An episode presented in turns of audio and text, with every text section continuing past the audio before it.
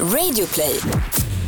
Det här är podden som handlar om Beatles album, men nu finns det ju inte fler album att lyssna på eller prata om. Eller, eller gör det det?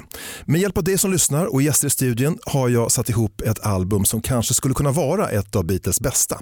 Att det låter som Beatles är inte så konstigt. Flera låtarna är skrivna under Beatles-perioden, men de kommer inte med på något album av olika anledningar. Och på flera låtar spelar de tillsammans, inte hela gruppen samtidigt, men så kunde det ju vara också på Beatles album. I det här lite längre specialavsnittet så har jag tre gäster i studion. Tre artister med internationella karriärer. Det är Frida Örn som har varit med i Olora och Cookies and Beans. Och nu är hon solo och aktuell med nya låtar under namnet Örn. There's a path that I must follow. A sliver of time, a new tomorrow. Och sen hör du också Peter Morén som också gör låtar solo men kanske är mest känd från bandet Peter, Björn och John. Och den här låten tror jag att du känner igen.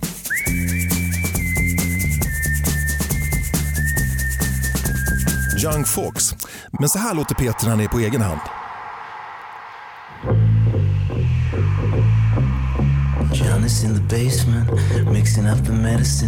Och så har vi David Myhr som är musiker, producent, Beatles-kännare. Han var med i bandet Merrymakers som låter så här.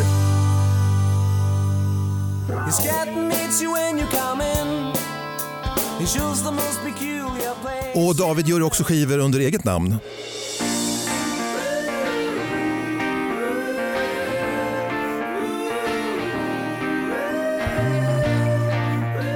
Mm. Och som bonus här avsnittet så får vi en eh, specialversion av Beatles Nowhere Man som Frida, Peter och David gör live här i studion. Ska också passa på att tacka alla som har varit med under den här serien. Det är Oliver Bergman som har klippt podden, det är Janne Forsman som har varit tekniker ibland. Och Theodor Lindahl som gjorde den fina vignettmusiken, Pierre Dura som gjorde grafiken, Pelle Stübler, som har tagit alla fina bilder. Och jättetack till er som har lyssnat och alla ni som hört av er med vänliga ord. Jag kommer tillbaka med en artist som representerar en annan tid men ändå har några saker gemensamt med Beatles. Men det blir någon gång i framtiden. Jag heter Sven Hallberg. Nu ska vi lyssna på albumet Give Peace a Chance. Well, it's a very great pleasure for us this evening to say hello to an Merseyside group, the Beatles.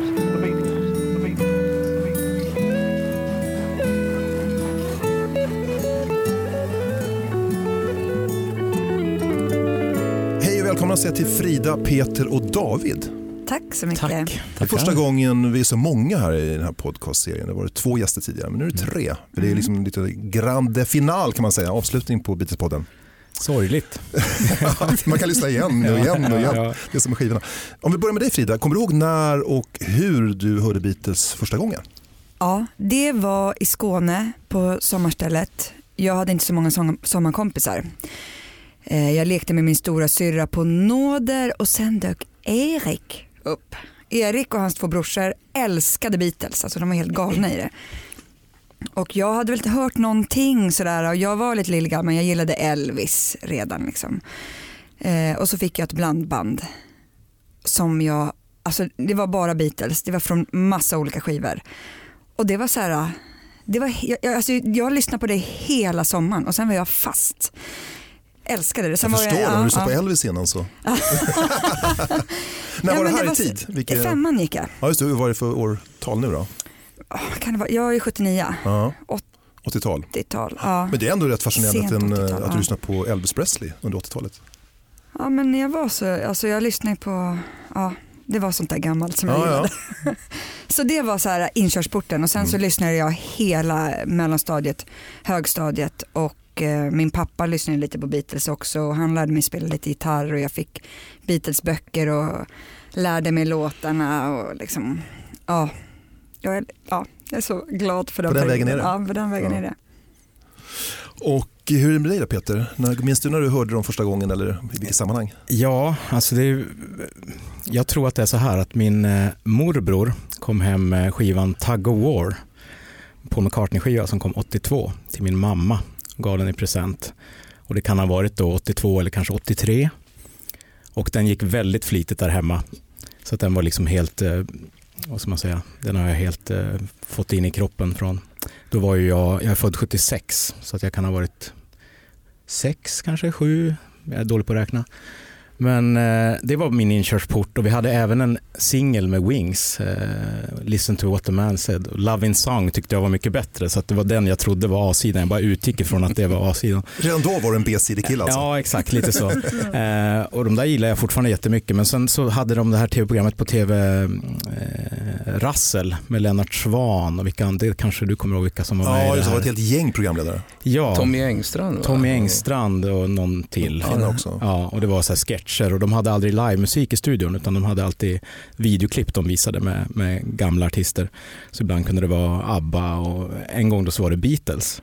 Och då var det som att jag på något sätt eh, connected the dots och kände igen Paul McCartney eh, och såg de andra tre och liksom och då var det helt kört. Och det fanns inte en massa Beatles-skivor hemma men pappa hade en samling som hette Love Songs som jag tror släpptes typ samtidigt när jag föddes, 76-77. En sån här verkligen märklig samling med bara ballader typ. Ja, ja. Som var ganska fin. Eh, Så det var liksom den första jag lyssnade på. Och sen den första skivan jag fick tror jag faktiskt var Sgt. Pepper för det fanns väl inte så mycket skivor att köpa där på Åhléns i Mora. Jag kommer från Dalarna. Mm. Så det var, nu finns det ingen skivaffär alls men då fanns i alla fall Åhléns skivavdelning. Och sen var det, sen var det kört kan man säga. Alltså jag, allt jag lyssnade på därefter, jag var också väldigt inne på Elvis faktiskt för att min, min pappa lyssnade på Elvis. Så att det var mycket, från Beatles så gick jag till eh, de andra 60-talsbanden så att det blev liksom Birds, Kinks, Beach Boys och sen lite senare, också på grund av Beatles, så hittade man eh, sånt de gillade. Så att jag lyssnade mycket på, när jag började spela gitarr så var det mycket Buddy Holly. För det var mycket enklare än Beatles-låtarna. Det var ju tre ackord. Det är kul att du gillar Buddy Holly och Elvis som då är Beatles idoler. Ja, ja, exakt. Och Det, var, det är det som är så häftigt med, med Beatles-grejen för mig, att det har lett mig vidare i eh, Smokey Robinson och Dylan och sen senare i modern tid, när jag var typ 13, inte så modernt, men 89, då kom ju liksom Elvis Costello-samarbetena med Paul och George jobbade med Tom Petty, så då började man lyssna på dem. Liksom. Så att det har ju så öppnat sig väldigt mycket vägar musikaliskt. Och David, Förlåt, pratat så länge. Nej, men eh, jag, jag kan ju delvis instämma i mycket av föregående talare. Just det här med att Beatles har öppnat dörrarna till så mycket. Men eh, för mig började det när eh, Lennon dog. Då var jag tio år gammal och min mamma sa, har du hört att John Lennon är död? Och då kände jag igen hans namn från lite notböcker på pianot för jag hade tre, hade tre äldre bröder som lyssnade på all möjlig musik. Och, så jag var inte helt nois men den kvällen så såg jag på Aktuellt och lyssnade på Kjell Alinges två timmars Eldorado special som jag spelade in på kassett och fick in hela Beatles-historiken samma dag där, den 9 december då i Sverige. Eftersom det var ju den 8 december klockan 22.53 som han tragiskt mördades på 72 gatan i New York. Och då hamnade jag i mitt eget lilla Beatles-universum hela hela mina tonår. Jag var helt fel ute jämfört med mina klasskamrater och sådär. Så småningom så tävlade jag i tv i ämnet i Minnesmästarna. Hur gammal var du då? då? Då var jag 18 och sen när jag var 24 så avslutade jag mina högskolestudier på Musikhögskolan i Piteå med att vara Paul McCartney i världspremiären av Sgt. Pepper Live som tog oss till Liverpool och spelade för Cynthia Lennon och träffade George Martin. Och jag skrev autografer Oj. som Paul McCartney i Liverpool och tänkte att Nästan det, obehagligt. det, här, det, här, det här intresset går inte att ta längre så då satsade jag lite på egna bandet. Men här sitter jag idag, dubbelt så gammal, lika intresserad som någonsin. Vi ska säga det redan nu att vi kommer avsluta den här podden med att ni gör en Beatles-låt. Ska vi göra en Beatles-låt? Skriva en. Det har jag gjort många. Hörrni, idag ska vi prata om ett album som inte finns men jag tillåter mig att leka med tanken att eh, av någon outgrundlig anledning så får de ihop ett album till trots att de är, det är verkligen sprickor i bandet. Och då tänker jag så att det här släpps då i maj 1971 på etiketten Apple och den heter Give Peace a Chance och det är lite grann en eftergift för John. Han är, för, för honom är ju fredsrörelsen väldigt viktig här. Jag tror att igår var det faktiskt 50 år sedan som John och Yoko låg på ett hotellrum och bed in Bed in for peace Bed på in for Amsterdam peace, ja. Hilton. Där, den sängen har jag också legat. Såklart. Såklart. så det är lite ett jubileum. Nej, men så där befinner sig John Lennon. Eh, George har ju liksom ganska mycket tröttnat på Paul. Alltså, han har ju Paul på ryggen hela tiden. John är ändå så generös. Han kan ju liksom eh, tycka att George ibland får göra sin gitarrsolon som han vill. Men Paul är så här, nej men då, då skiter vi tar vi bort det liksom. Eh, men George har ändå gått med på att göra ett album. Och eh, Ringo, ja, men han är väl liksom som en glad hundvalp. Liksom. Han tycker det är kul att spela. jag tror han gillar att alla är, att alla är kompisar. Men jag tänker innan vi lyssnar på det här albumet, om vi säger att det kom då 1971 så kan vi lyssna lite grann hur det lät på radio i övrigt. Då. Vi lyssnar på Kvällstoppen på några album som låg där som, som är tidstypiska. Bland annat det här gänget och konkurrenterna till Beatles.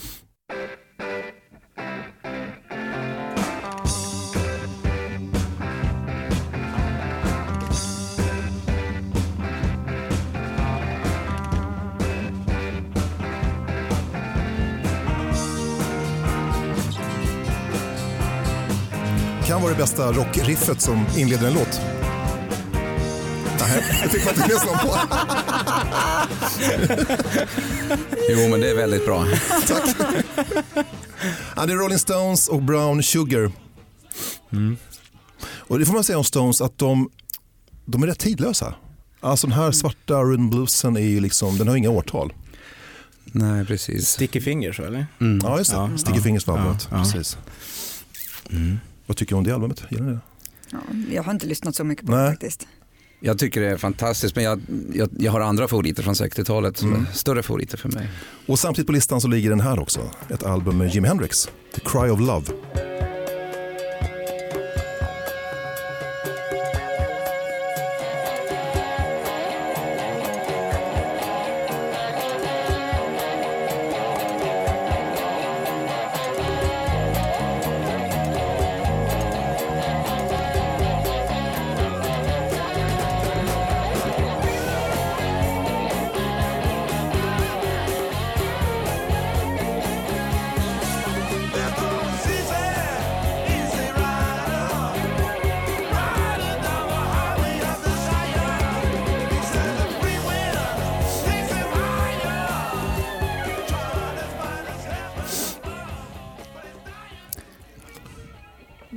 Hendrix Easy Rider. Här har han dött va? Jag tänkte just det. Han har gjort det? 71. Jag vet. Jag tror han dog 70. Ja, jag tror också det. Mm. De kanske liksom Men även döda människor kan släppa plattor. väldigt långt efteråt Ja. och, och sälja bra säkert. Och så Ja. fanns det en, eh, en kvartett också med en engelsk medlem och fyra amerikanska. De lät så här, så ni kan gissa vilka det är. This is a song from Matt Daly. Där är Graham Nash. Yes, hjälte.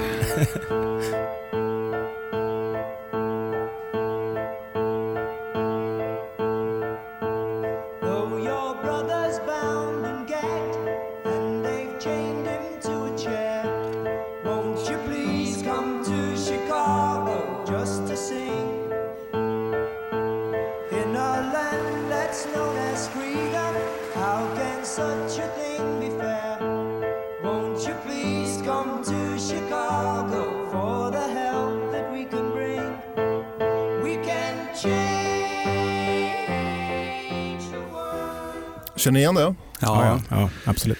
Inte jag. Graham Nashs första soloplatta är faktiskt på min tio i topp i livet. Um, från Crosby, Stills, Nash Young och var med i The Hollies. Jag älskar ju Hollies. Jag är så här, fast i 60-talet. Fast det här var någon liveversion, den går lite Ja. fortare på, på Ja, plattan. precis. Det var Four Way Street hette plattan slog på Kvällstoppen då. Det är en live. Var, var Young med på den också då? då Ja, här är alla fyra hela, ja, Mm. Crosby, Stills, Nash Young.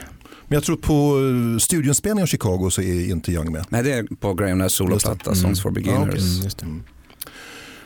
Nu ska vi lyssna på plattan. Eh, Jag ska tala lite grann om skivan först. Eh, titeln då, Give Peace a Chance, det är en eftergift till John Lennon lite grann. Det ligger väldigt mycket i tiden också. Och jag tänker att man liksom lämnar det här lite glättiga, färgglada, poppiga 60-talet och går in mot någon sorts lite mer politisk medvetenhet och lite allvarligare. Så därför tänkte jag att svartvitt omslag med eh, de här två presidenterna på, alltså Brezhnev och Nixon. De är ju vid det här tillfället, det är ju de som styr världen. Och alla är ju livrädda för kärnvapenkriget liksom, och USA är inne och bråkar i Vietnam. Och det, det, är, det är väldigt politiskt. Så att, att de två är på samma bild det är någon sorts symbolik, symbolik för att de skulle kunna liksom, kanske enas om fred. Då, var min tanke. Eh, och eh, var befinner sig Beatles? Alltså, jag tänker så här att eh, det finns ju likheter mellan Lennon och McCartneys första solplattor. Alltså efter Sgt. Pepper så har de blivit mycket mer minimalistiska och lite mer sneglande mot Bob Dylan. Eh, Medan eh, George Harrison går åt ett annat håll. Han blir ju nästan bombastisk liksom med sitt eh, trippelalbum. Med Phil Spector som producent som också får liksom ta ut svängarna ordentligt. Eh, Det är också kul att se att Harrison och Lennon frontar i princip samma band här tidiga 70-talet. Det är Claes Wohrman på bas som de känner sedan Hamburg. Det är Jim Keltner på trummor och Billy Preston på keyboard som har varit med sedan Let It Be. Och båda två använder Phil Spector som producent, även om kanske George Harrison tog ut svängarna ännu mer med Phil Spector. Vet du vad du säger David? Ja, alltså han lät ju Phil Spector göra Var sitt Phil wall of sound. ja. precis. Medan eh, Lennons första solplatta är ju extremt torr, mm, Ja, vilket inte Phil Spector är känd för. Ja, och där är ju Ringo som spelar också på, på Mm. första Lennon. Fast inte på den här låten vi ska höra va? Då är det en annan trummis. Mm. Men, eh, men på Plastic Ono Band då är det ju bara tre instrument oftast. Mm. Det är ju gitarr, bas och trummor. Klaus Worman och Ringo. Och sen är Billy Preston med på, På någon två låt. låtar tror jag. Mm. Ja, det är en väldig skillnad mot All Things Must Pass som är, som är så Och jag- otroligt mycket grejer. Apropå Phil Spector och hur han lät höllas, hållas så George Harrison på gamla dagar var ju lite ångerfull. Han, han hade ju inte velat göra den så, han, han sa någon gång att it was swimming in reverb. Tyckte Det det är var ungefär som Peter Lemark säger om sina tidiga plattor, att de är för daterade soundet. Liksom. Ja, ja. Nej, men ska du lyssna på skivan då? Vi, på sidan ett, det här är vinylplatta och på sidan ett så ligger ju ett spår utav John Lennon och Plastic Ono Band.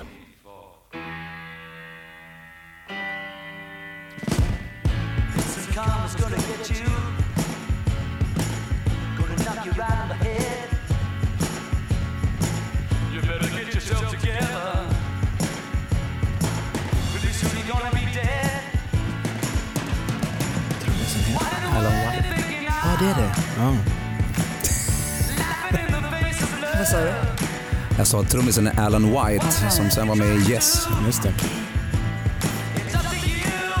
All downhill from here. Nej, ursäkta. No.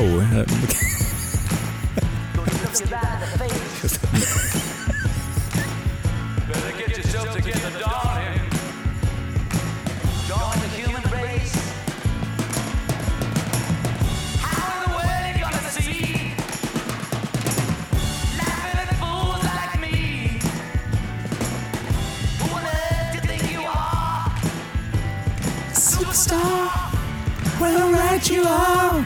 Yeah, we all shine on. Like the moon and the stars and the sun. Well, we all shine on. Det blir ganska okej inledning på albumet i alla fall. För som Come. Together var på Abbey Road. Alltså någonting som låter, whoops, har vi inte hört förut. Ja, passar så Eller? bra till omslaget också. Ja. Supermäktig inledning, verkligen. Grym, grym start. Verkligen. John Lennon sa att han skrev den till frukost, spelade in den på lunchen och gav ut den till middagen. Ja, det Han var ju känd för att vara rätt snabb låtskrivare. instant hit. Ja. Han jobbar, nej men tio dagars period eller någonting. Det var en av de snabbast släppta singlarna i hela historien tror jag. jag Och kan, här har ju Vad tävlingen börjat. att tänka så. ja, det är underbart. Så ska jag börja jobba. Men det är lite så man kan jobba mer nu ändå, nu för tiden. Att det, liksom, det, det är snabbare från ax till limpa. Ja, du behöver visst. liksom inte ligga och jäsa i ett halvår. Nej, Det är underbart. Det blir roligt när vi pratar om Elvis innan, för John Lennon älskade ju liksom det här Sun Studios-soundet med mycket tape delay och det här är ju verkligen så både på trummor och sång och together överallt. Var samma sak som han sa till producenten för Double Fantasy, han ville ha det på Starting Over också. Han Ja. ville alltid tillbaka till det här Elvis Orbison-soundet Ja. som man kallar det för. Ja. Men det är ju en fantastisk refräng alltså. Det är ju larger than life. Och han har lånat mycket av sig själv också på verserna från All You Need Is Love. Det är som samma ackordsnedgång där och nästan samma melodi. Ja, den är inte helt självklar, en ganska knepig låt sådär. Fast den känns liksom enkel men den är, Ja. det händer mycket. Det är Exakt. fräcka ackord och tonartsbyten där. Jag som är gammal farbror, jag minns ju när den här kom ut. Och då stack den ut alltså. Man hade aldrig hört något liknande på radio. Den hade ett väldigt, så här, Det är väldigt rå. speciellt väldigt- sound. Alltså. väldigt rå. Och Jag minns omslaget på singeln var också konstigt. Det var en svartvit bild på någon glaskub. Liksom. Och det var väldigt mystiskt jämfört med hur Beatles hade Ja. presenterats. Och viktigast av allt, han hade ju klippt sig. Just det. Eh, det var ju bara någon vecka innan de var i Danmark och klippte av sig håret, han och Yoko. Så kom han och gjorde den här Top of the Pops eller något sånt där i England Just och så det. snaggade alltså. Så Sten- satt hon i en säck då, va, eller?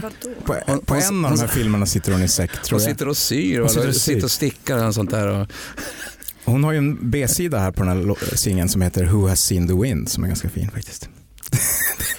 Andra låten på det här albumet är en Harrison-komposition.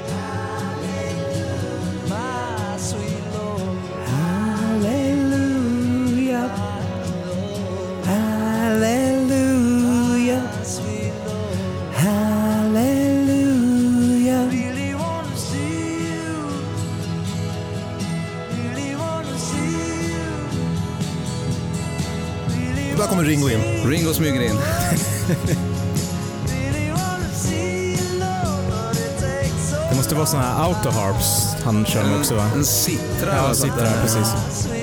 Väldigt snyggt. Ja, verkligen. Sen byter man ju kör. Det är Hare Krishna. Just det.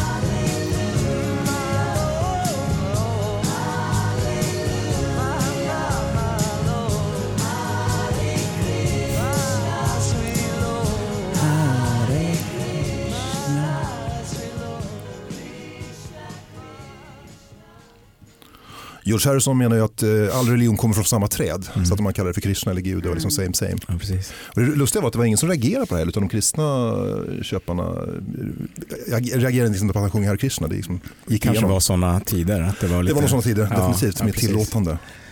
Ehm, Eller så var det paketerat i en sån härlig låt så att alla Ja. bara ah. Man köpte hela kontexten. köpte Ja. mm. Ja, vilken brottarhit. Vilken, Mm. vilken öppning på plattan alltså. Ja, det, ja, det är starkt. Om man ska- ja. Tävla mellan killarna här nu, så John Lennon kom ju då på femte plats på den engelska listan med Instant Karma, men det här vart en Englands etta Mm. med Sweet Lord. Mm. Så här är 1-0 till George. Ja. Synd bara att han hade stulit melodin. ja, precis. Det fick han väl betala för va? Ja, han fick betala ganska mycket. Vad hette He's originalet? so fine. He's so fine. Chiffons. Mm. Mm. På tal om såna här tidiga girl groups som de var så inspirerade av. Ja, men Men har de ju tagit rakt av det här. Ja, just det.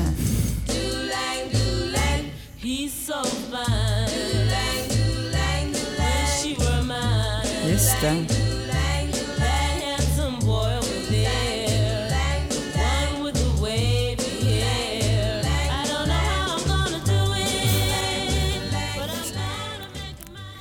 Mm, Inspirerad av. det kan man säga. Väldigt inspirerad. Det är lite Ja. likt, det får man nog, det får man nog tillstå. Men han fick ju betala, han åkte upp i rätten för Ja, det, det. det, drog ju ut, alltså det tog ju både 10 och 20 år innan det liksom var slutligen så att säga avgjort. Och nog fick han betala ganska mycket men det, Men det är fortfarande Harrison som står som kompositör på label.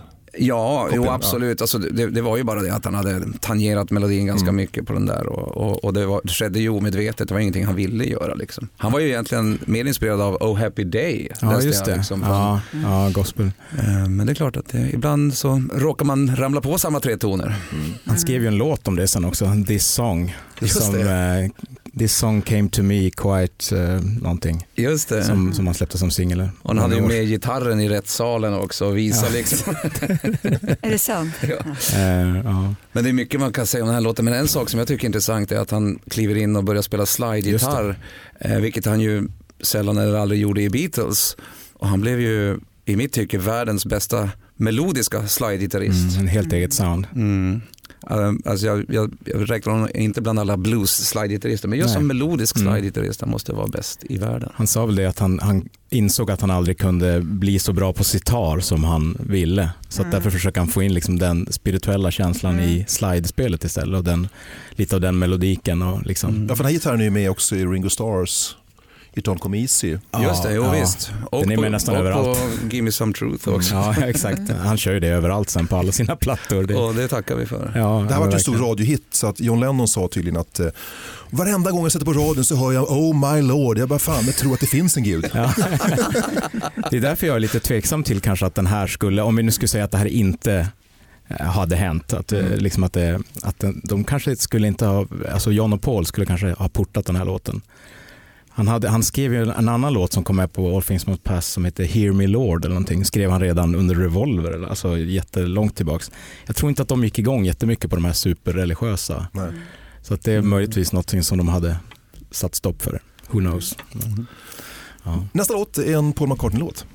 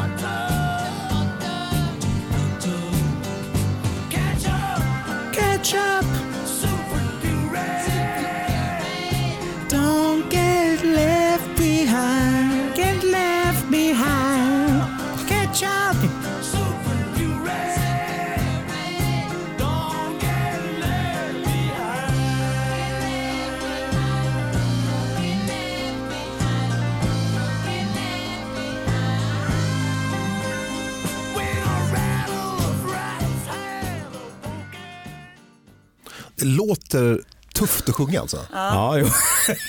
Det här är ju hans rockröst men till och med för Paul låter det här väldigt tufft. Ja, alltså. han tog ju fram den grövsta han hade. ja, lite sinnessjuk röst nästan. Alltså, Men, eh, jag kommer bara tänka på när vi har lyssnat på de här tre låtarna, det som du sa innan, hur mådde de egentligen i den här perioden? ja, Om man lyssnar ja. på John så har han någon slags så här vision och framtiden och vi måste kämpa och, och George som bara Och kärlek. har kärlek har det ganska gött så kommer Paul och bara "Ah, det är Ja. lite jobbigt och kämpigt för honom. Liksom. Alltså jag bara gjorde den parallellen. Ja. Liksom. Ja, men, ja. Jag läste någon situationsbild om just det du beskriver. Paul är stressad, både John och George får beröm för sina plattor medan Paul får lite svalare kritik. Då.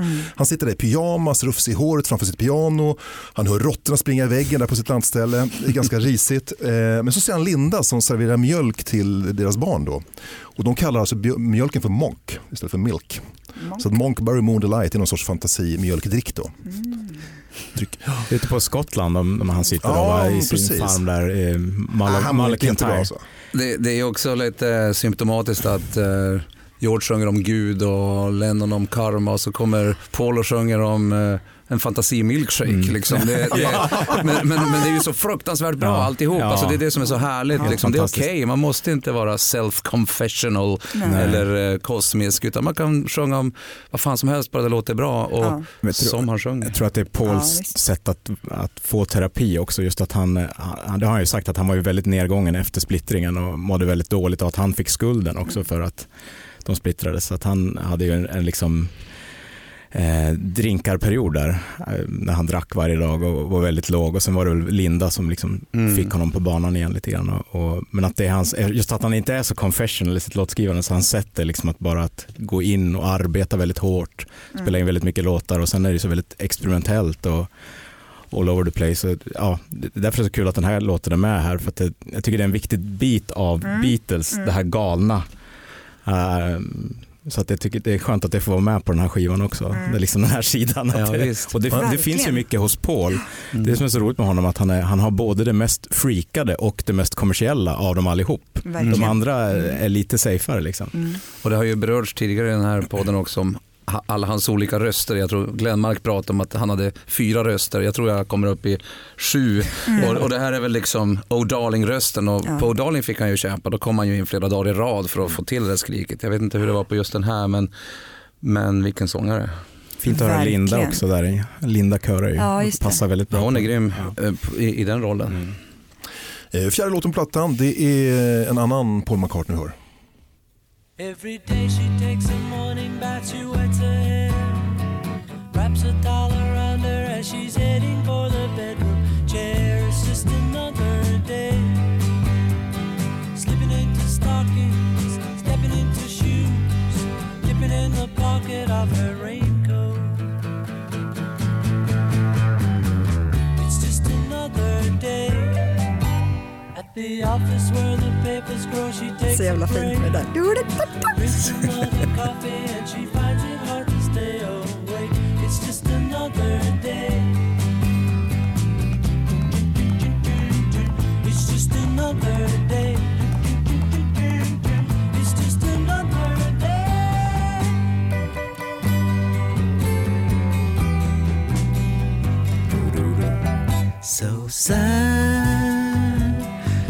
Sad. Sometimes she feels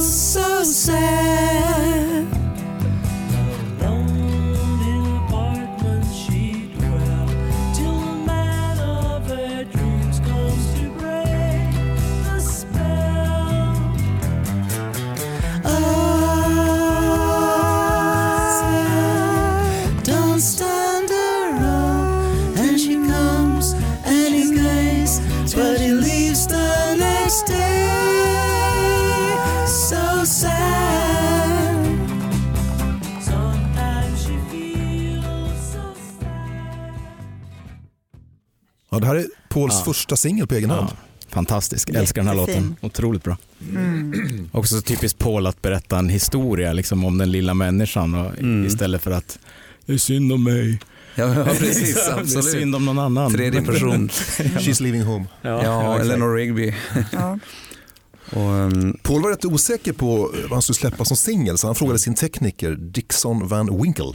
Och Dixon älskar den här låten så att det var det som avgjorde saken. Mm. Men det säger en del om Pauls självförtroende vid den här tiden. Det är tydligen i botten liksom.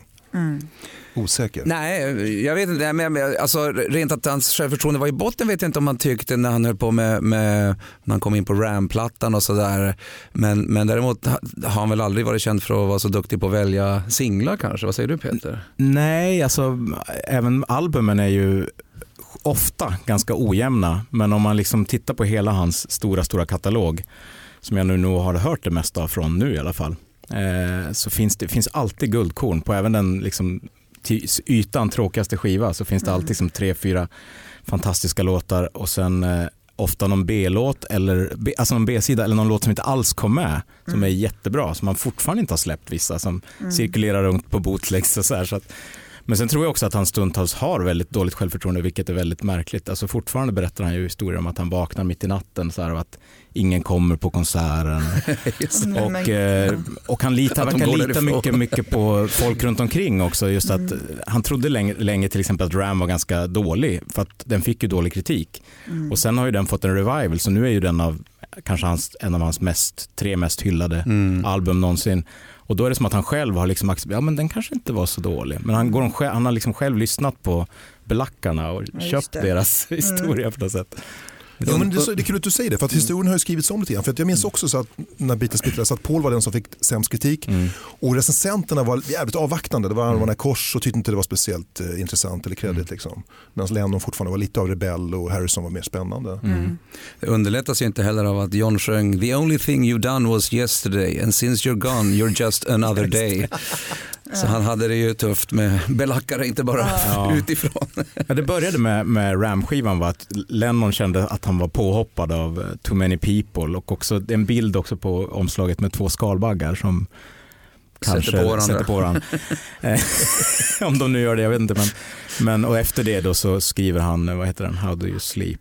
Just Så att det är då de bråkar som mest, de där, Mm. just här. Och då sparar han ju inte på krutet och Harrison sitter och småler i bakgrunden. Stackars Paul. Alltså. Alltså gud vad jobbigt. Ja, hemskt. Men det är nästan på syskonnivå. Alltså, Ja. de har ju varit Ja, ja. så otroligt tajta så att, och, och de förmodligen någonstans finns det någon sorts kärlek mellan dem fortfarande Mm. fast Ja, de ja. konkurrerar. Visst. Mm. Peter, Mm. tack för tipset. Eh, Det här är en låt som jag inte den här har jag missat. Nästa Okej. låt. Det är en eh, Lennon-låt.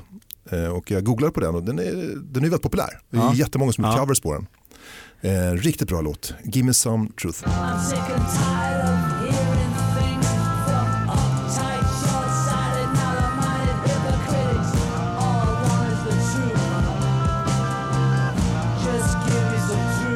Nu är Spector igång igen.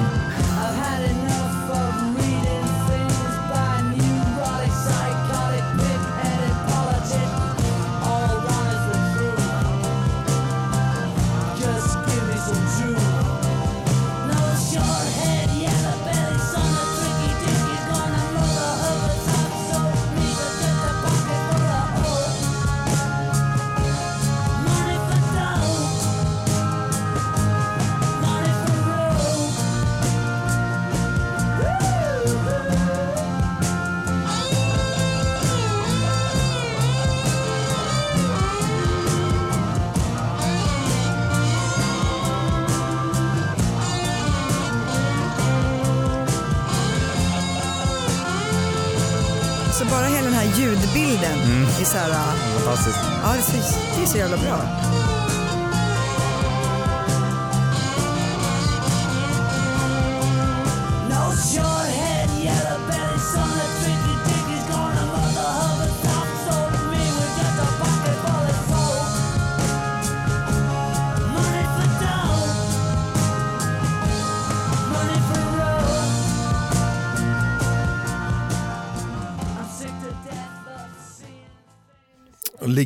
Albumet Imagine. Första låten på B-sidan tror jag. Eh, ja, otroligt bra. Mm.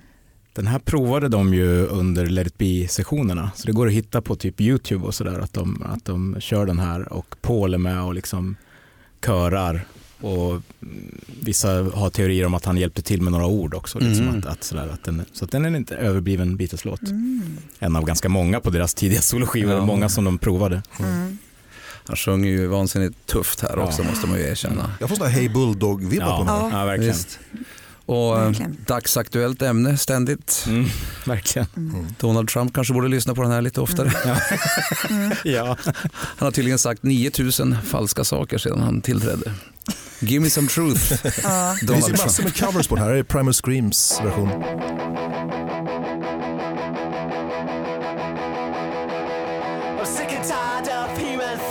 Things from uptight short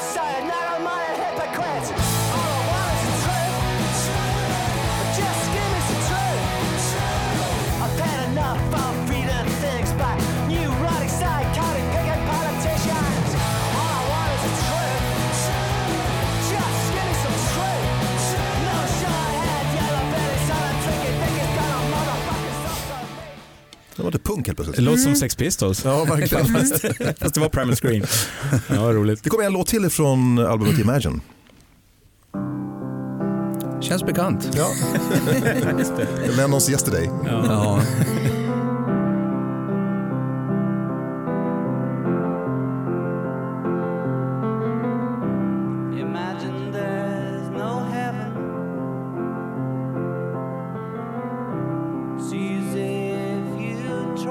Det är två pianon här i början. Den är svår att planka exakt. Hell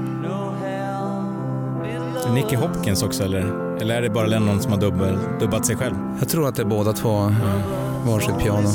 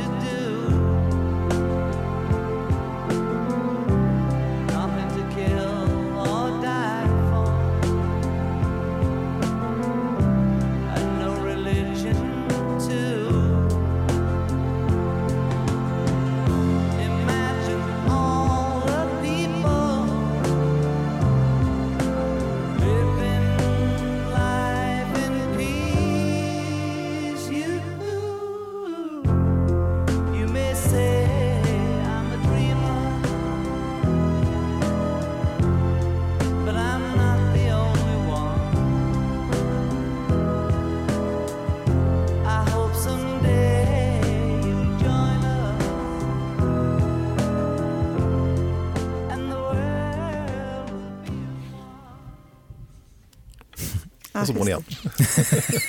Tjaffligt. Just det. Ja. Eh. Helt tyst. Tidningen, eh, tidningen Rolling Stone säger att det här är den tredje bästa låten genom tiderna. Ja. Stone tredje. Satisfaction och Bob Dylan Like a Rolling Stone före. Ja, ja, ja. Nej men det är väl bara att konstatera att det är en av låtarnas låtar. Alltså en- ett epos. Den är liksom lika stor som de största Beatles-låtarna, precis som du säger, det är hans Yesterday. Om man, om man är ute och spelar Beatles så vill de alltid höra Imagine också. Den är liksom, Så perceptionen är att det är en Beatles-låt. ja men typ så. Men det, Ja. det, det finns ju många anledningar till att den är bäst. Ja, Mm. den är nästan sönderspelad för mig. Alltså. Jag har lite så, jag börjar nästan inte, alltså att jag inte känner så mycket längre. Den, har liksom, den är så söndertröskad så att den, Mm. Eh, den var ju väldigt inspirerad av Yoko Ono som mycket av hans låtar som han skrev efter han träffade henne mm, byggde mycket på sånt som hon sa eller hade skrivit. Hon hade en bok som heter Grapefruit där det finns, eh, om det är en dikt eller ett stycke som heter Imagine som Mm. han liksom byggde den här låten på. Så nu har ju hon faktiskt fått, eh, sent om sidor fått, eh, vad heter det? Hon har fått Hon har copyright. fått copyright, Ja. stim. Hon har fått Mm. stim på, på den. Och Exakt. det finns även någon inspelad intervju då som, där John säger att hon borde ha haft det från början. Liksom. Men, men det- här var ju ganska tidigt så att hade han skrivit den tio år senare så hade hon kanske varit som co-writer. Och det är positivt för Sean också för det förlänger skyddstiden på lådan med 40 år eftersom annars hade den ju blivit allmängiltig Mm. egendom 40 år före. Ja, ja, exakt. Ehm, men jag vet inte eh, hur mycket hon skrev egentligen. Jag var ju inte där men Lennon sa det i en intervju att hon, hon var viktig men just om man tittar på boken Imagine så visst Imagine började någon dikt Mm. men Det är inte de andra orden med. Det är inte Nej, några nej, från de nej, andra. det är det inte. Men Men jag tror ändå mycket hennes ta- tankesätt och Mm. liksom hennes Oh ja, filosofi det genomsyrar ju mycket av det han gjorde som, som soloartist. Mm. Det är intressant det där med förlagsrättigheter. Det var ju tydligen så att eh, Len, förlåt, Paul McCartney påstod ibland att det var han och Linda som skrev. Mm. För att komma ur det här avtalet med. Northern Song där allting som Paul skrev var Lennon McCartney. För var så de gjort upp från början att alla låtar, oavsett om det bara var John eller bara var Paul, så var det alltid Lennon McCartney Ah. som fick liksom cred för det. Men efter den här skilsmässan då så tyckte väl Paul att det var lite besvärligt att liksom dela med sig till John. Så att han Mm. påstod ibland att Linda var med och skrev Ja, låtarna. just Ja. Ram-skivan är ju krediterad till, till båda även som artist. Och hon är och för sig med mycket och sjunger. Det ska man väl säga det här med deras gräl också, att de bråkade så mycket den här tiden. De låg ju i rättstvist helt enkelt och Paul hade ju stämt de andra tre. Mm. Eh, och räddade ju egentligen dem, vilket de inte förstod. Men, men de hade ju blivit av med Ja, mer eller mindre allting. Det var ju Alan Klein var ju en stor bov, Mm. deras andra manager. Som, Okej. som, så att han gav, gjorde ju dem en tjänst, men han fick mycket skit för det. det. Så att, det Mm. Eh, Och på tal om Ram, We're so sorry,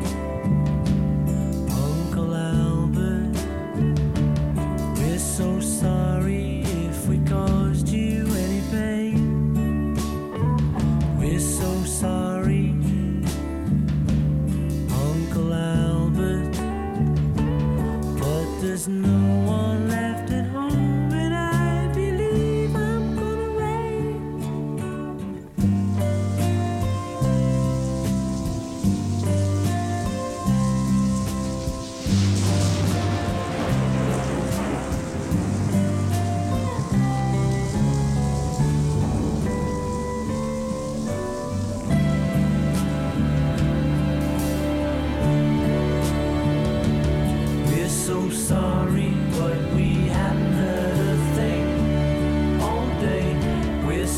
sorry, Uncle Albert. But if anything should happen, we'll be sure to give a ring.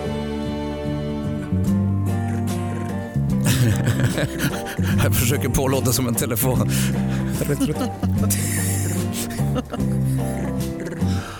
Och plötsligt kommer filtret på. Nu. Lite för tidigt. ja, exakt.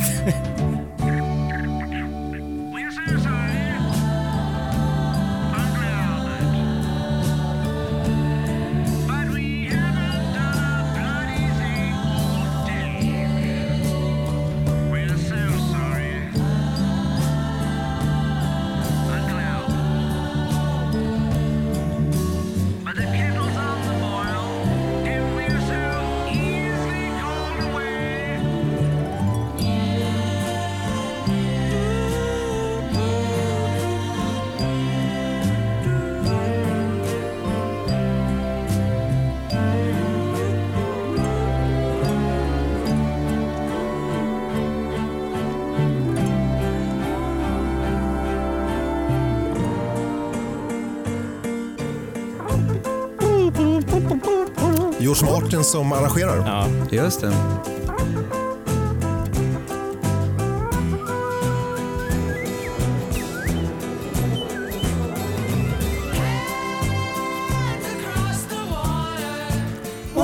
Det här tycker jag, nu börjar det låta, wing, nu börjar det låta Wings, Ja, eller hur? Absolut. Ja, ja, precis.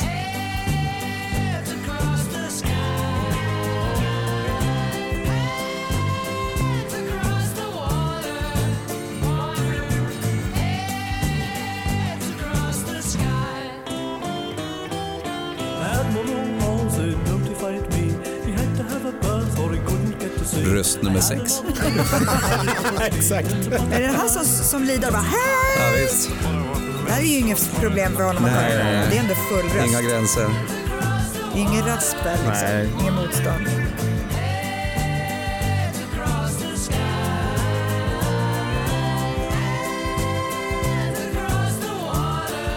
Water.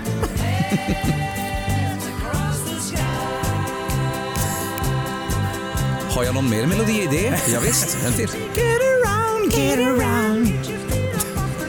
Little be a little around. Dunket, dunket, dunket, dunket.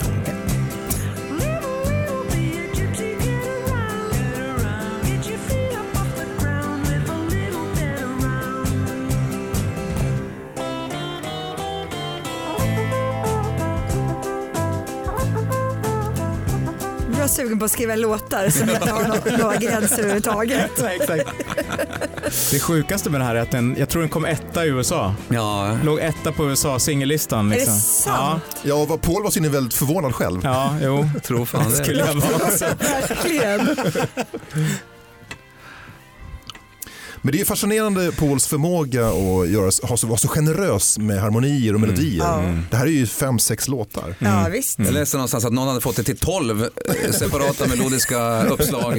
Och det är verkligen helt galet. Ja.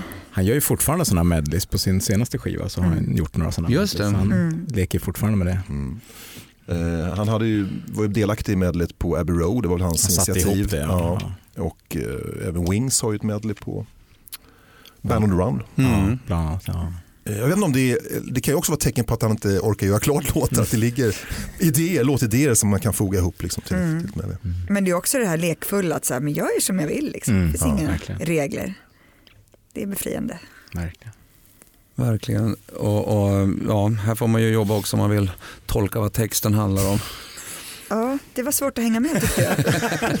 Har du, tol- har du en tolk- tolkning David? Nej, nej jag, jag, jag har inte. Jag, jag, jag, är ingen textlyssnare. Alltså jag är en sån här som kan älska Bob Dylan utan att ens ha börjat. Det är lite pinsamt att säga men, men jag menar, för mig räcker liksom ganska långt. Jag kan lyssna på Electric Light Orchestra utan att någonsin bry mig om vad de sjunger.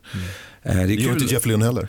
Nej, nej men faktiskt, det, det, det, är sant. Nej, men ibland ska väl texten svänga. Jo, Det det ska, det, ska, det ska ligga bra i mun och, och McCartney var ju en mästare på det liksom och få det att låta rätt liksom och sångbart.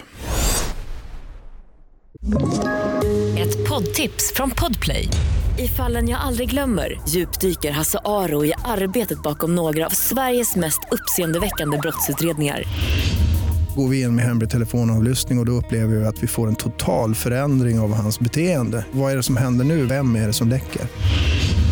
Och så säger han att jag är kriminell, jag har varit kriminell i hela mitt liv men att mörda ett barn, där går min gräns. Nya säsongen av Fallen jag aldrig glömmer på Podplay.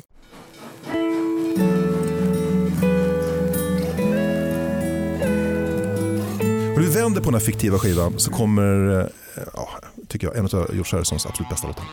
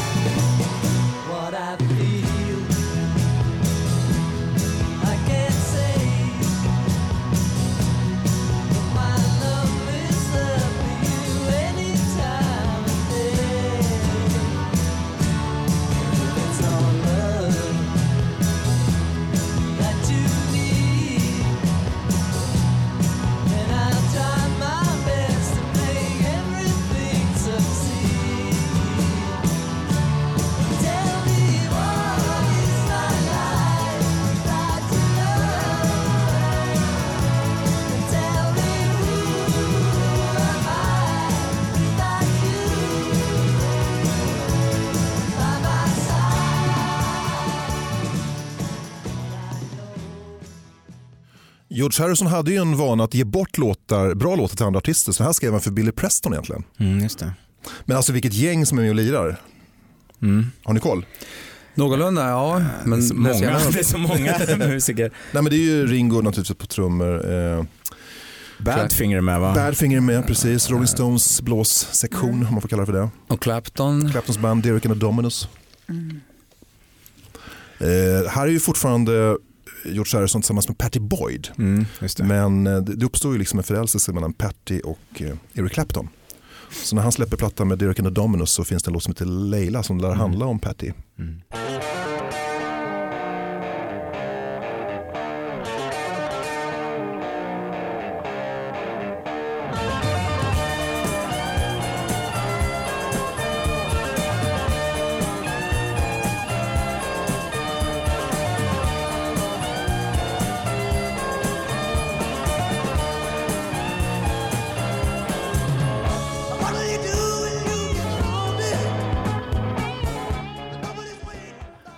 Fantastisk självbiografi av Eric Clapton där han berättar om det här och han är så nere i Patty Boyd att han säger till henne att om inte du eh, gifter dig med mig så börjar jag ta heroin. Ja men jag är ju med George. Ja, ja så börjar jag med heroin då. och sen, sen kom Pete Townsend och räddade honom från, från knarket in i alkoholismen istället. Ja.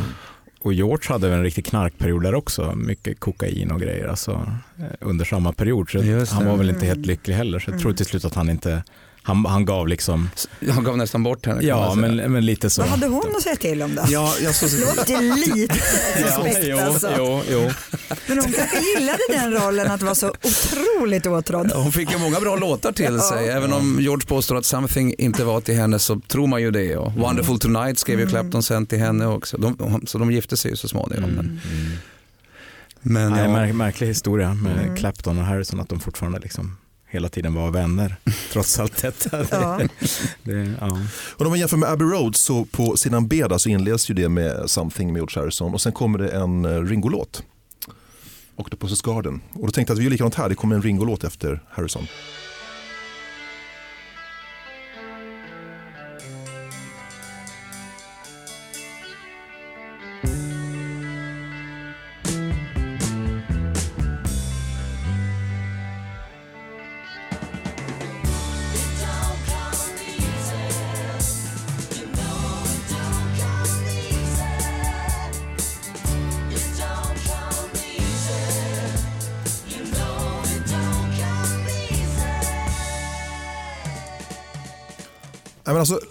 Lyssna på de där snubblande trummorna. För att Ringo kör ju fortfarande den här låten. Han inleder ofta sina konserter med den. Då är det någon annan som sitter vid trummorna för Ringo Ja. sjunger. Jag har aldrig hört någon spela så här. Nej. Det är alltid så- jäkla perfekt. Här, är, Ja. här snubblar ni igång. Ja, liksom. Det är underbart. så jävla skönt.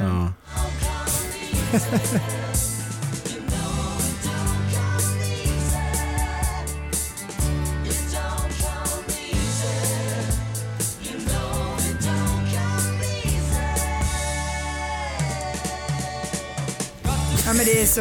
Underbart. Ja.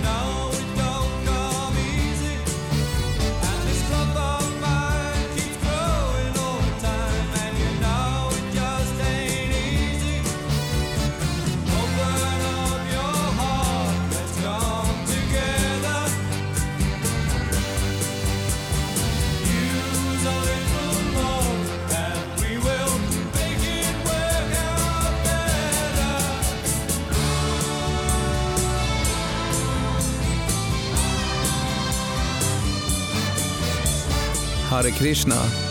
Så han är? De fick in ett Hare Krishna. Man hör, ju, man hör ju George här i kören Ja. hela tiden. Ja, det är mycket George i den här låten. Han har varit med och skriven också. Ja, precis. Ja, det, det hörs. Ja, men det är Harrison, det är Worman, det är Steven Stills. Jaha. Eh, någon som heter Ron Cattermole som jag inte vet om det är. Och så är det Hammond Evans från Badfinger. Mm, Och. Badfinger det var ett band som Beatles hade signat på sin label Apple. Jag tror Mm. att Paul producerade första plattan.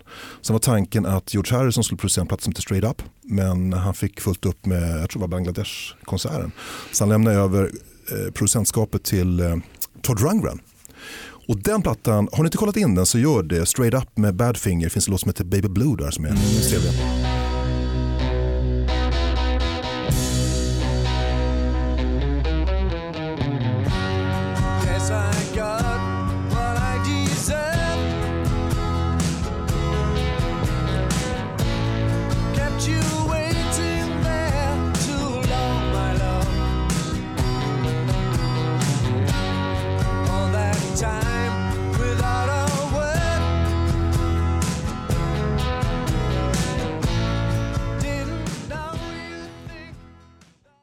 Men just Badfinger är med på flera av de här låtarna.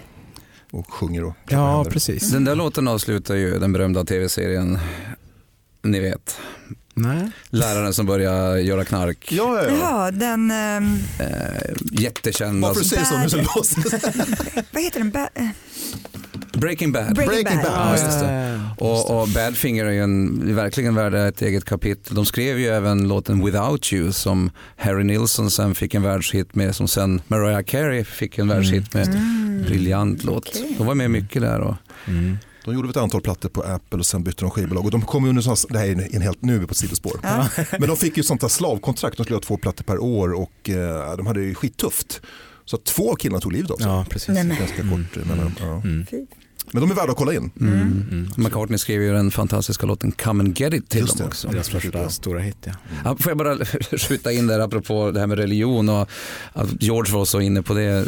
Ringo berättade i någon intervju apropå den här It Don't Come Easy att Harrison gärna ville ha med något om religion i vers 3 och någonting om Gud och nej, nej, nej. Men, jag, ja, men, eh, ja, men det slutade med att de nöjde sig med lite om fred.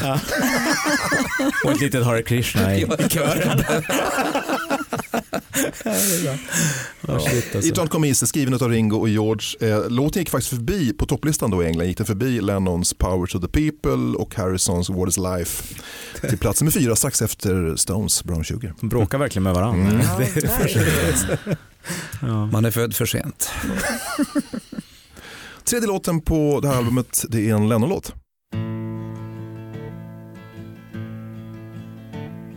As soon as you're born, they make you feel small. By giving you no time instead of it all. Till the pain is so big you feel nothing at all. A working class hero is something to be. Working class hero is something to be. They hurt you at home and they hit you at school. They hate you if you're clever and they despise a fool.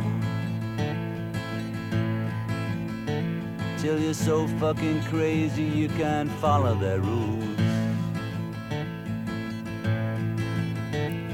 A working class hero is something to be.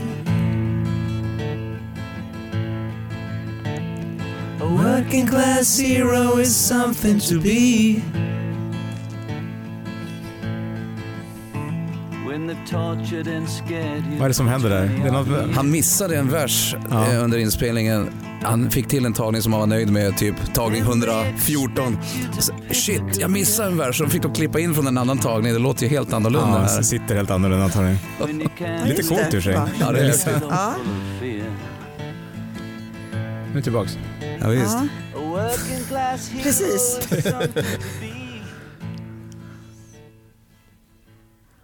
Working Class Hero. Ja, ja, Den passar ju väldigt bra där Mm. på den här ja, låtordningen tycker jag. verkligen. Ja, den var ju bannlyst på grund av det här med fucking då. Det Mm. får man inte sjunga i radio. På 70-talet. Det ironiska med det där är väl att eh, Lennon var väl den som var mest medelklass i Beatles. De andra var mer liksom working class. Det är många nu som tänker att Paul var, var lite mer posh, men han var ju liksom, hade det sä- sämre ställt rent, rent bodde i ett sämre område i Liverpool och sådär. Så att Paul, eller John var ju den som var mest middle class. Ja, Men de spelade på det här, när de kommer till eh, London då på 60-talet så är det ju lite okej att vara arbetarklass. De har ju en aura av sig då med, med sin dialekt och det här. Att de, Verkligen.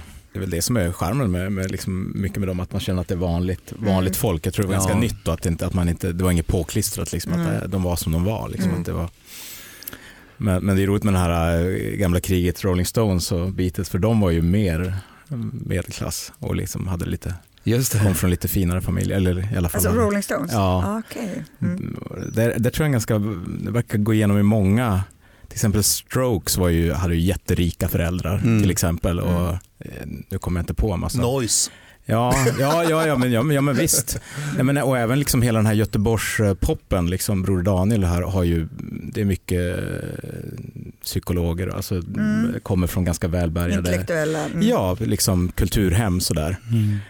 Så mycket musik som kanske vill vara tuff och sjavig och liksom kanske ofta kommer från att det här är bara en teori En liten revolt mot föräldrarna. Ja, ja men lite sådär. Medan kanske om man kommer från något väldigt smutsigt kanske man vill skapa något vackert. Mm. Ja, jag vet inte. Ja, inte minst, jag tänker på svenska proggrörelsen bara på 70-talet, det var ju mycket Ja. så här, överklass eller Ja. personer som kommer från Mm. Välbärgade miljöer Mm. som revolterade mot sina Mm. Direktörsfarsor. Ja. Jag minns jag var på rundvandring i Lennons barndomshem på Menlove Avenue i Liverpool och vi fick se liksom bakdörren där, där Paul fick komma in första gången för moster Mimi var väldigt osäker på om Paul skulle liksom vara fin nog att släppa in. Liksom. Men det var inte tal om att komma in från framsidan utan han kom in bak Köksingången. köksingången. Men annars, eh, den här låten måste jag bara få säga, eh, ibland hör man folk som pratar om att någonting är överproducerat och att eh, då, då pratar man alltid om att ju mer producerat desto mer instrument. Men jag tycker att det här är ett bra exempel på ett väldigt starkt producentbeslut att verkligen inte ha någonting annat än Lennon och hans akustiska Ja. gitarr. Det är, ju, det är ju produktion om något. Mm. Mm. Jag vet inte om den kliar i fingrarna på Spector och lägga på någon fem pianon här. Eller. men men den är, den är Ja. otroligt tung låt det här. Alltså. Verkligen. Vi Jer- fram, ja. Jerry Williams version var väl lite svulstigare. ja, exakt. Ja, ja. Eh, Vi kommit fram till fjärde låten på andra sidan. En låt som eh, kom från albumet McCartney som låg tvåa i USA, etta i, förlåt, etta i USA och tvåa i England. Inspelad 69-70 i EMI Studio och eh, Paul spelar alla instrument själv.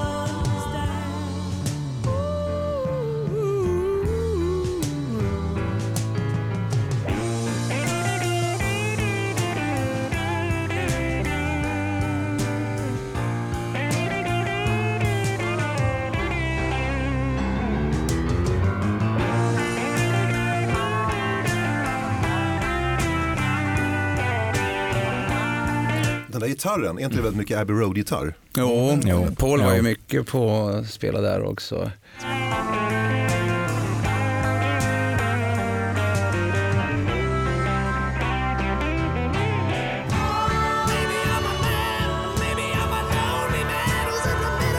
Aj, aj, aj. Håren ställer sig varje gång. Det lilla hår jag har. Hans röst är ju... Ja. Oj, oj, oj. Men som du sa förut Frida, det här är doftar desperation eller depression på något sätt. Mm. Ja men det finns någon slags kraft där som man tar av som är, alltså Mm. ja det är kanske inte en tillfällighet att han sjunger på det där sättet på många av låtarna. Liksom. Det här var väl till, till Linda tror jag. Mm. Liksom, att liksom, ja, men han var som mest låg och så någon som, Mm. Som lyfte honom igen. Sådär. Mm. Ja, den där låten, det där, eh, pff, ja, jag, jag vill nästan gråta. Att, att, att få höra den här live med McCartney så pass många gånger som Mm. en del av oss har fått göra, det, det, det är helt galet alltså. Ja. Mm. Vilken låt. Alltså det, jag, jag håller den som hans bästa sololåt genom tiderna. Mm. När hörde du honom, alltså kan han, kan han göra den Det är fortfarande det som är det galna. liksom? Alltså just de här höga tonerna, skrikiga Ja. tonerna, det är inte hans stora problem. Han har liksom någon slags teknik för det där så att han, han river loss ordentligt. Mm. På lite mera ömsinta låtar kan det låta svajigare. Ja, Men det här fixar han fortfarande i originaltonart och alltihop. shit alltså. Mm. 76 häftigt. bast. Mm. Utan vatten, utan toalettbesök. Tre, tre timmar utan vatten. Ja, det är långa konserter. Ja, ja verkligen. Men, men så det är så mäktigt just det här att han, han eh, spelar allting själv. Och man, när man lyssnar på den här låten så fattar man ju hur mycket han, hur mycket han var Beatles på något sätt Mm. också Mm. rent arrangemangsmässigt. Och han har ju som Beatles-soundet i alla instrument. Mm. Fast han gör det helt själv, liksom, även trummor. Och Mm. Det låter ju... Jag råkar veta- Tio år i Abbey Road-studion med Beatles satt sina spår. Ja, Ja. precis. Jag råkar veta vilket datum den här är inspelad för att jag minns när jag var liten så kollade jag Tänk om det hände något då jag föddes den 27 februari 1970. Då visade det sig att det här var den 22 februari och det grämer mig fortfarande att det inte råkar vara samma dag. Nej. Ja, exakt. Så nära. Ja. Det finns en fantastisk cover, det finns ju många förstås, men en som jag tänker på är The Faces version med Rod Ja, Stewart, Stewart, ja, Jag tänker på den också, riktigt bra. Och en som Paul Weller producerar med en engelsk artist som heter Carleen Anderson. Väldigt svängig variant, fast Pauls är bäst. Mm. Många av låtarna där på första skivan spelar han med din hemma. Han lånade hem en bandspelare Just från, det. från studion och liksom lärde sig att spela in hemma. Utan på, mixer eller Ja. han bara jacka in Jacka på in baksidan. direkt i bak. Ja, ja. Men sen är det vissa låtar som han har gjort med tekniker, bland, Ja, bland annat den där då. exakt. Gjorde han väl med tekniker. Ja, det, All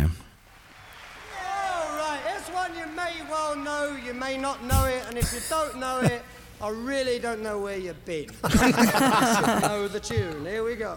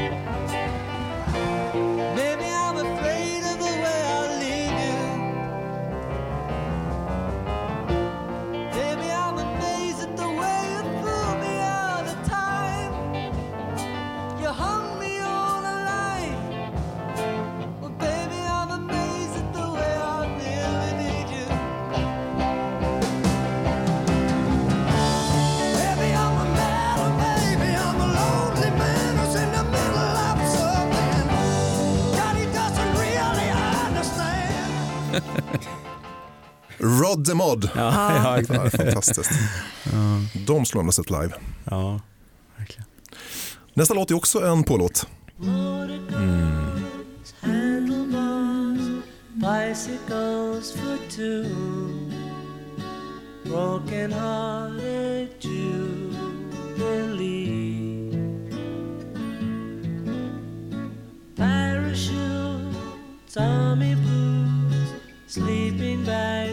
bags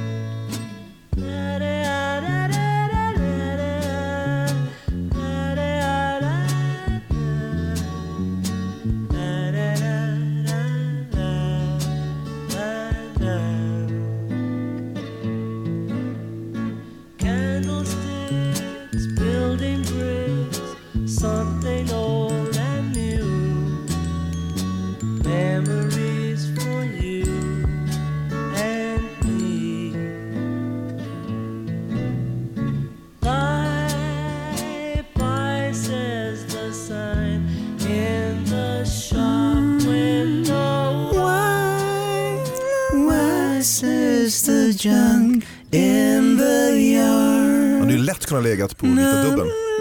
Han skrev den ju då också. Den skrevs i den Indien. Ja, han Just skrev den det. i Indien. Den finns med som eh, demo där på de här Isher Demos som har kommit nu Mm. på den här 50-års-jubileumsutgåvan som kom Just det. förra året. Så att eh, den hade kunnat vara med på Vita Dubben. Mm. Eh, även, eh, ja, den kommer vi till sen tror jag, spellistan. En annan låt som ligger på den här skivan som Inte skrevs då. inte gå händelserna i förväg. Nej. Nej. Men, men den, här, den här är också, alltså, tillsammans med Maybe I'm Amazed, jag sa ju att den var McCartys bästa, men det här, det här är en av hans allra, allra vackraste melodier tycker jag. Och då är det bland många. Hatar du Blackbird? Exakt. Skitlåt. Hidden everywhere. Medioker. Usel. Nej, jag tycker det är livsfarligt att säga favoritlåten i Nej, nej men alltså, nej, det går ju pratar inte. du sololåtar, Ja, nu, pratar jag, nu pratar jag Ja, sololåtar. ja. Det är en vansinnigt vacker melodi. Det lustiga var att jag hade ju hört den många gånger under mina första Beatles-år där på 80-talet. Men det var när Eva Dahlgren, Anders Glenmark och Orup invigde Globen med den här låten i en trestämmig version som jag fick liksom en nyupptäckt. Det var så coolt för Globen var ju något stort. Och så det första låten, Junk med Paul McCartney med denna udda Ja. trio. Så jag tackar Eva, Anders och Thomas för detta. Snyggt val. Ja, verkligen. Nu byter vi sound. Two, one, two, three, 嗯。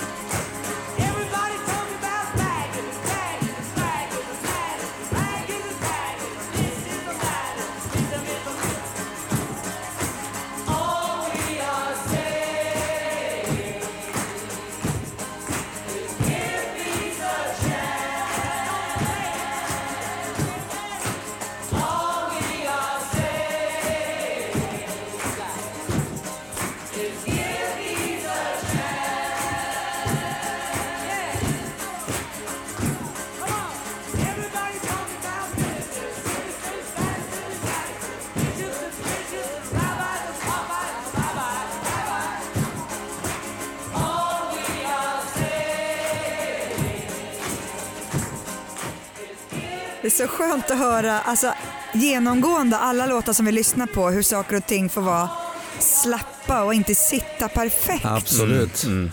Det var så länge sedan jag lyssnade på sånt.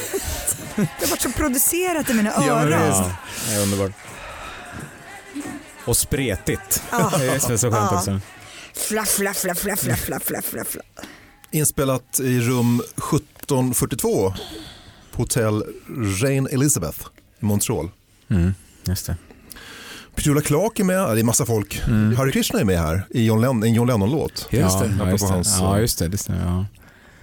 Men det var nog en del av, av, eh, det är väl inte helt positivt, alltså everybody's talking about Harry Krishna, det är väl, han, han dissar väl det lite också då. Det förstod inte de som stod där och fingrade med såna här Ja, de är med och, de är med och sjunger alltså? Ja, just det. de sjunger och okej, spelar såna här okej. fingertamburin. Ja, ja. Ja, ja.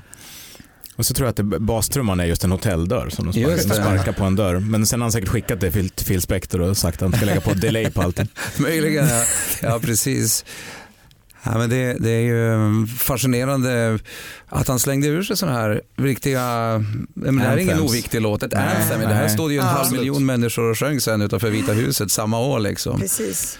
Han är väldigt bra på slogans, liksom all you need is love och alltså den Ja, typ power, power to the people. Ja, ja, men exakt, det är verkligen så här copy, copywriter. Ja, ja. Jag tror just den här sloganen fann han sig själv säga stup i kvarten. Han fick frågor om What are you doing in bed? Well, we're just trying to give peace a chance. Ja. Och så, Ja. ja, men det var väl något att Mm. haka på. Mm. Nej, det är en rolig tid när de, när de fredsivrar, John och Yoko. De, de satte ju upp en massa billboards runt om i världen på 12 storstäder. Paris, London, Berlin, och New York och Los Angeles och så vidare. War is over if you want it. Happy Christmas from John and Yoko. Kostar ju skjortan. Så frågar de någon på en presskonferens. But John, what does it cost to make a campaign like this? Så säger John, well I don't want to think about the costs. I'll probably have to write a song or two to earn the money of that.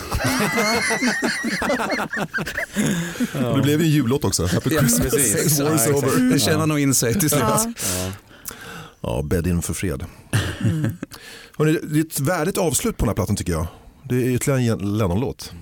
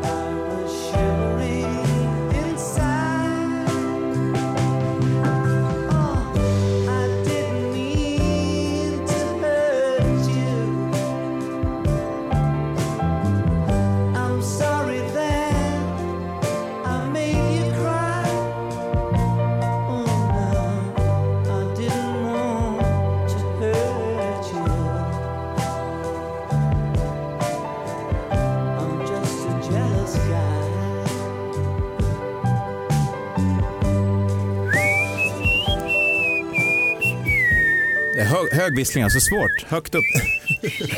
Jätte... Vilken tycker ni är Lennons bästa låt? Har du någon favorit Frida?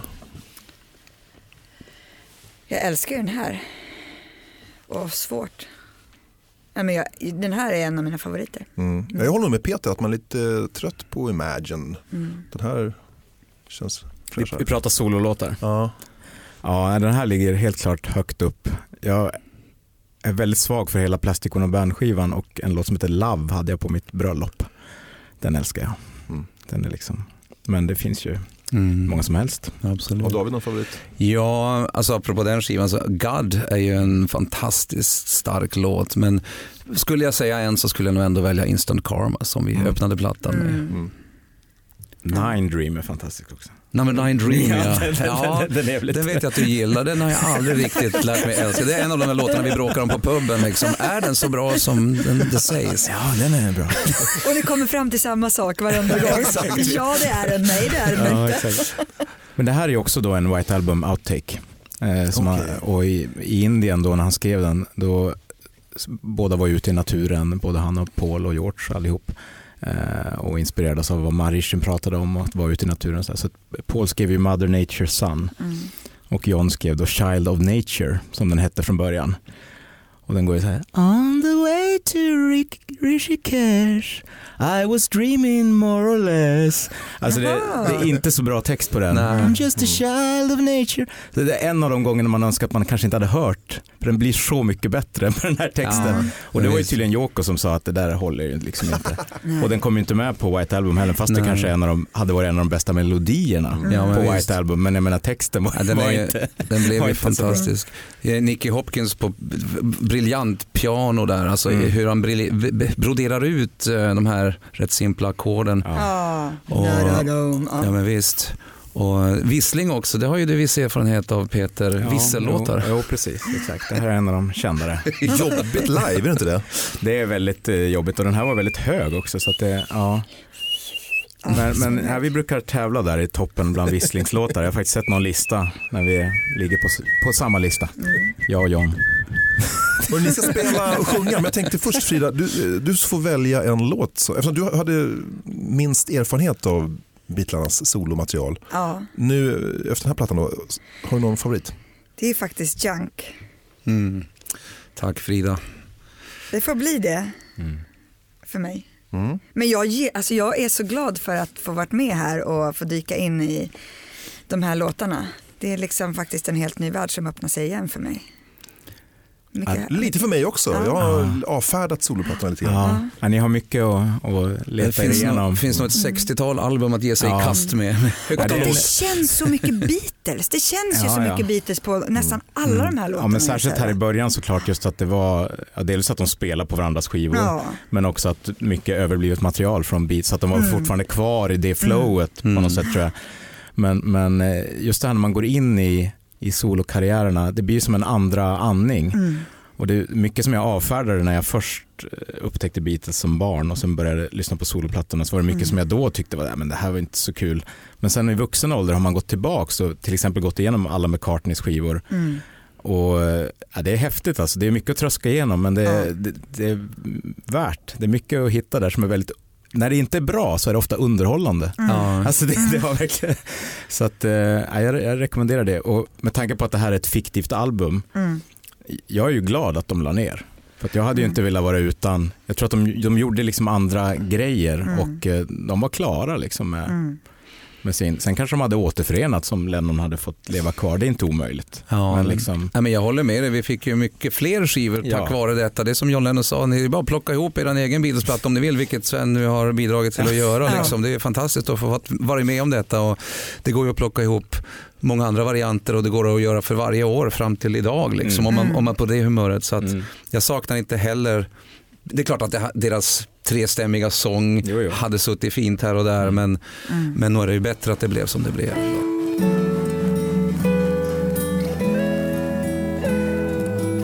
Och nu en exklusiv version utav Nowhere Man med Frida Örn, David Myhr och Peter Morén. He's a real nowhere man, sitting in making all his nowhere plans for nobody.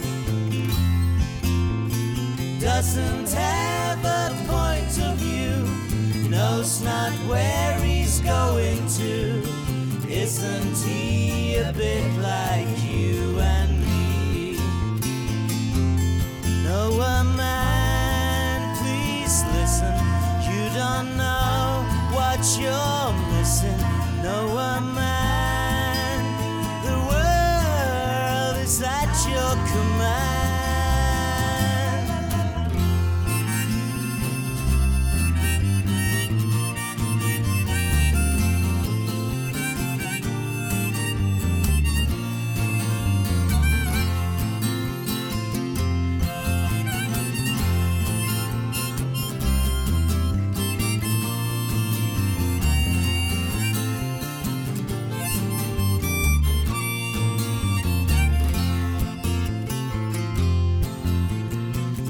as blind as he can be, just sees what he wants to see. Nowhere, man, can you see me at all? Nowhere man, don't worry, take your time,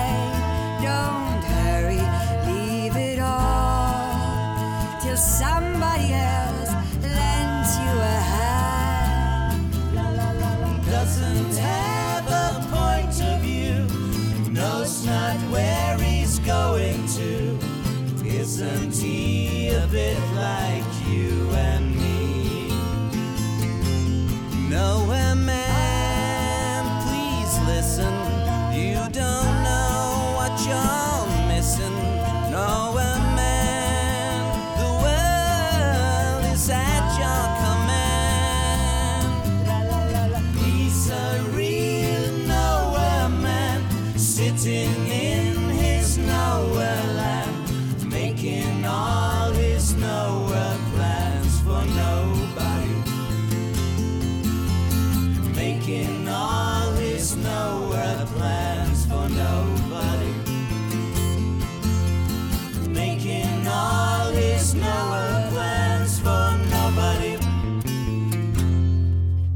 Där satt den tror jag! Fy fan vad bra!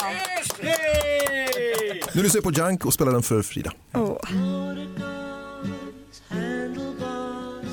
Bicycles for two, broken hearted jubilee. Parachutes, army boots, sleeping bags for two, sentiment.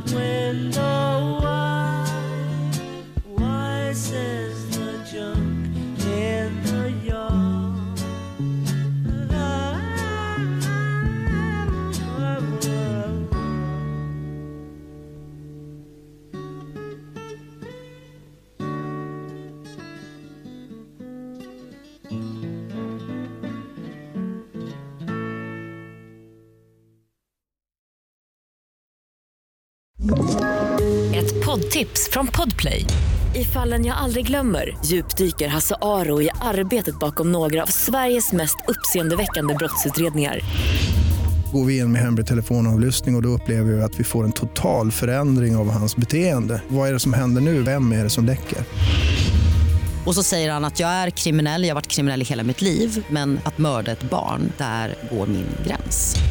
Nya säsongen av Fallen jag aldrig glömmer på Podplay.